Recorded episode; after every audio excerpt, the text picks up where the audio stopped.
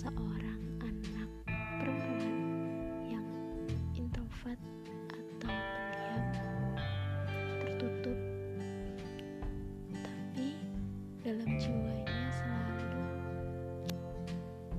berharap akan hal-hal baik dalam imajinasinya, dalam pikirannya. Dia selalu terbuka terhadap apa pun hal yang terjadi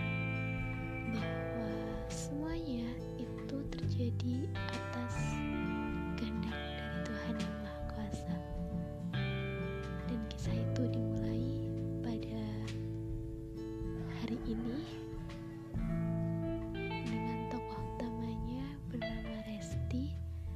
Itu nama samaran. Selamat mendengarkan untuk kalian memandang dunia dari sisi yang berbeda. Betapa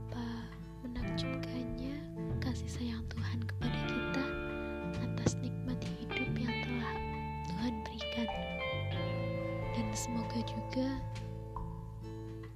setiap akhir kata dari apa yang tersampaikan selalu terucap kata Alhamdulillah.